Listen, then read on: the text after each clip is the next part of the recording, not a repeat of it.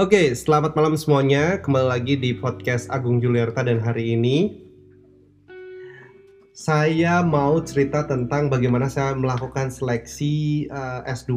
Uh, kebetulan saya ambil jurusan uh, pariwisata. Nah, di awal kan mikir nih, kenapa ambil pariwisata? Udah tahu uh, pandemi kan. Jadi hal yang paling pertama terdampak adalah pariwisata. Tapi dari diri saya sendiri, saya yakin pariwisata adalah bisnis yang paling besar. Dan kita semua tahu ya, kayak seluruh orang suka yang namanya berlibur.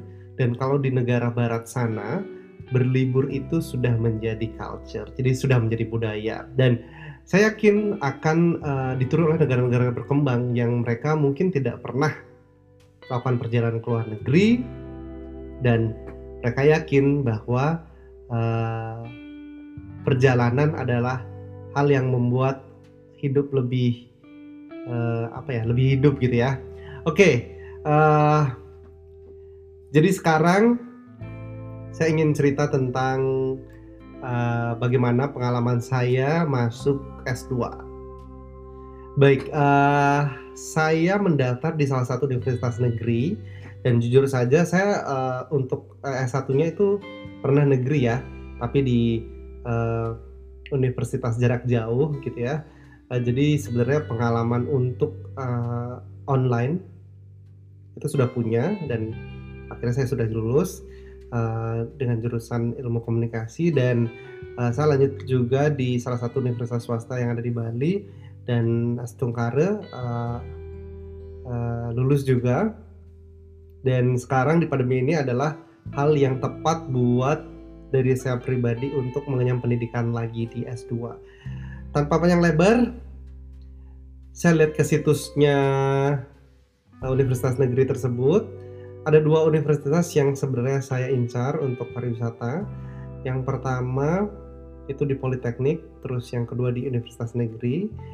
Dan keduanya ini sebenarnya memiliki dua hal yang berbeda gitu ya kalau yang politeknik ini saya tanya-tanya beberapa teman yang sudah uh, tamat atau sudah lebih mengerti ya di bidang pasca sarjana mereka bilang uh, itu lebih ke uh, sarjana terapan. Jadi magister terapan pariwisata. Nah bagi praktisi gitu yang uh, ingin jadi general manager atau ingin jadi manajer karirnya biar lebih meningkat uh, di sini adalah tepat gitu ya. Terus yang kedua uh, di universitas negeri itu lebih ke uh, edukasi ya maksudnya bukan edukasi sih. Apa ya? Uh, kata lainnya praktisi itu lebih ke uh, pendidikan lah. Jadi lebih ingin pengennya tuh tak tamat jadi dosen gitu terus meningkatkan karir di pegawai negeri gitu. Nah kedua hal ini juga memiliki tingkat kesulitan yang berbeda-beda. Nah kebetulan pengalaman yang pertama saya saya sudah ikut di universitas negeri. Kalau yang di politeknik agak lebih lama uh, seleksinya. Jadi saya ceritakan dulu di universitas negeri. Baik uh, setelah mendaftar uh, masuk ke websitenya universitas tersebut.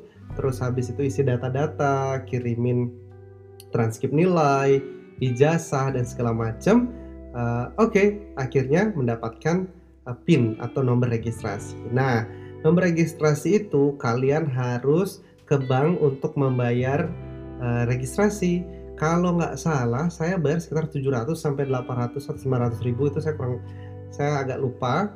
Yang jelas nggak sampai satu juta. Dan nanti kalian dapat uh, struk receipt. Nah setelah kalian bayar ke bank itu nggak bisa lewat ATM ya, harus lewat bank. Nanti kalau lewat bank itu kalian akan dapat nomor PIN yang bisa memverifikasi bahwa kalian sudah membayar dan serius gitu. Nah, setelah daftar kita tunggu nih untuk tes seleksinya kan. Kalau tes seleksi di tahun 2020 ini di pandemic ini agak sedikit unik mungkin ya, berbeda dengan tahun-tahun sebelumnya. Tapi karena saya nggak begitu punya pengalaman di tahun sebelumnya, eh, yang saya dapat ceritakan adalah tahun sekarang. Nah, setelah mendekati hari-hari ujian, saya sudah dapat email dari universitas uh, jadwal seleksi. Jalur seleksinya itu ada dua kali, ya.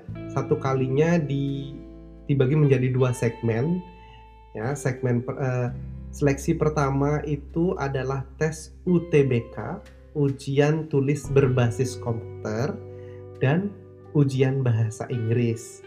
Gitu. Itu uh, kalau nggak salah uh, waktunya adalah dua setengah jam, satu jam seleksi, satu jam seleksi, uh, sorry satu jam tes untuk UTBK, untuk kemampuan uh, akademik, terus satu jam untuk bahasa Inggris. Nah, 15 menitnya, uh, 30 menitnya itu kurang lebih untuk menunggu peserta yang agak telat, memberikan informasi, dan spare waktu gitu ya. Jadi waktu dihabiskan kurang lebih sekitar dua jam setengah. Nah, gimana nih triknya untuk uh, untuk tes dan apa aja yang perlu disiapkan? Sebenarnya kalau uh, saya pribadi itu jujur nervous ya, sudah lama sekali nggak ikut tes tes, terus tidak pernah belajar dan sekarang harus uh, belajar untuk tes gitu kan. Yang pertama, saya akan coba uh, menjelaskan tentang tes bahasa Inggris. Karena tes bahasa Inggris adalah tes bahasa yang pertama kali di uh, assessment. Uh, baik, kalau tes bahasa Inggris ini perlu apa aja yang disiapkan uh, sebenarnya tes bahasa Inggris ini memang gak bisa disiapkan instan ya. Kalau kalian udah berpikiran mau jadi S2, at least dari awal kalian sudah belajar ya entah itu kalian kursus, udah mendalami bahasa Inggris karena bahasa Inggris itu lebih banyak ya satu penalaran. Jadi kalau sana kalian sedikit pun uh, lengah di bahasa ya mungkin nilainya akan kecil gitu.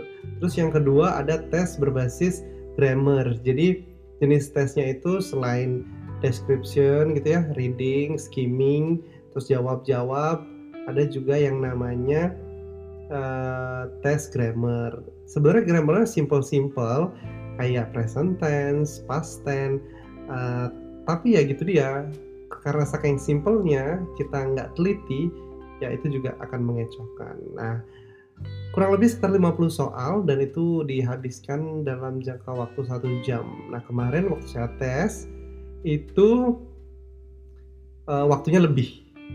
Jadi jadi saya banyak punya waktu untuk mengecek kembali uh, jawaban-jawaban yang sebelumnya itu masih saya ragu. Tipsnya adalah kalian tandai yang menurut kalian susah dan kerjakan dulu yang mudah Nanti setelah semuanya kira-kira dijawab, kalian bisa kembali lagi untuk uh, mengecek jawaban-jawaban yang belum pasti tersebut. Saya dapat baca-baca kalau uh, tes S2 itu nggak main-main ya. Jadi kalau seandainya kalian itu harus lulus uh, minimal mungkin nilainya 550 sekian. Uh, kalau jawab benar. Nilainya 4. Kalau nggak jawab nggak dapat nilai nol. Tapi kalau kalian jawab asal-asalan itu nilainya minus 4 jadi menurut saya kalau memang nggak yakin nggak yakin banget ya udah nggak usah dijawab. Gitu. Daripada minus lebih baik dapat nilai nol. Oke. Itu yang bahasa Inggris. Saya ini sejenak ya. Tarik nafas sejenak oke kita lanjut ke bagian ujian akademik ya uh, eh, UTBK di tahun 2020 itu adalah ujian tulis berbasis komputer. Uh, waktunya kurang lebih sama, sekitar satu jam, tapi soalnya lebih banyak. Itu mungkin kurang lebih sekitar 90 gitu ya. Dan soalnya itu ada verbal dan ada non-verbal, matematika gitu ya. Kalau yang verbal itu dibagi menjadi tiga, ada tes uh, sinonim, sering-sering harus belajar karena kebanyakan itu bahasa-bahasa Melayu yang kita jarang sekali dengar. Sorry, saya buat podcast lagi sedikit unwell. Nah, uh, oke, okay. Uh, eh, bukan bahasa Melayu sih ya, lebih ke bahasa akademisi gitu ya, lebih bahasa-bahasa kayak penulis sastra gitu itu yang pertama. Terus antonim antonim agak lebih gampang. Tapi kalian harus konsentrasi. Kadang pertanyaan antonim kalian balas uh, jawabnya sinonim. Jadi benar-benar di note. Nah, kalau seandainya pertanyaannya antonim, kalian harus konsentrasi, jangan sampai jawabnya yang sinonim. Karena kepincut sama pertanyaan sebelumnya. Oke, soal yang ketiga itu adalah analogi. Nah, analogi itu adalah pengandaian, pengandaian gitu ya.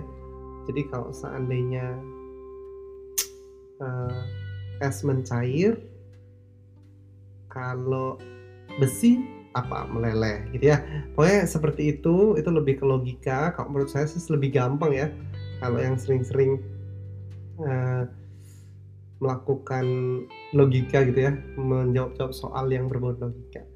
Oke terus soal yang ke jenis soal yang kedua itu non verbal jadi uh, matematika gitu ya. Jadi ada numerik seperti 1, 2, 3, 4 jawabannya apa titik-titik 5 terus ada juga yang uh, sisi kanan sisi kiri atau kuadran Y plus X sama dengan berapa. Nah saja saya kalau seandainya menurut kalian itu susah sekali lebih baik di skip. Karena kita takut kehabisan waktu. Jadi go ahead aja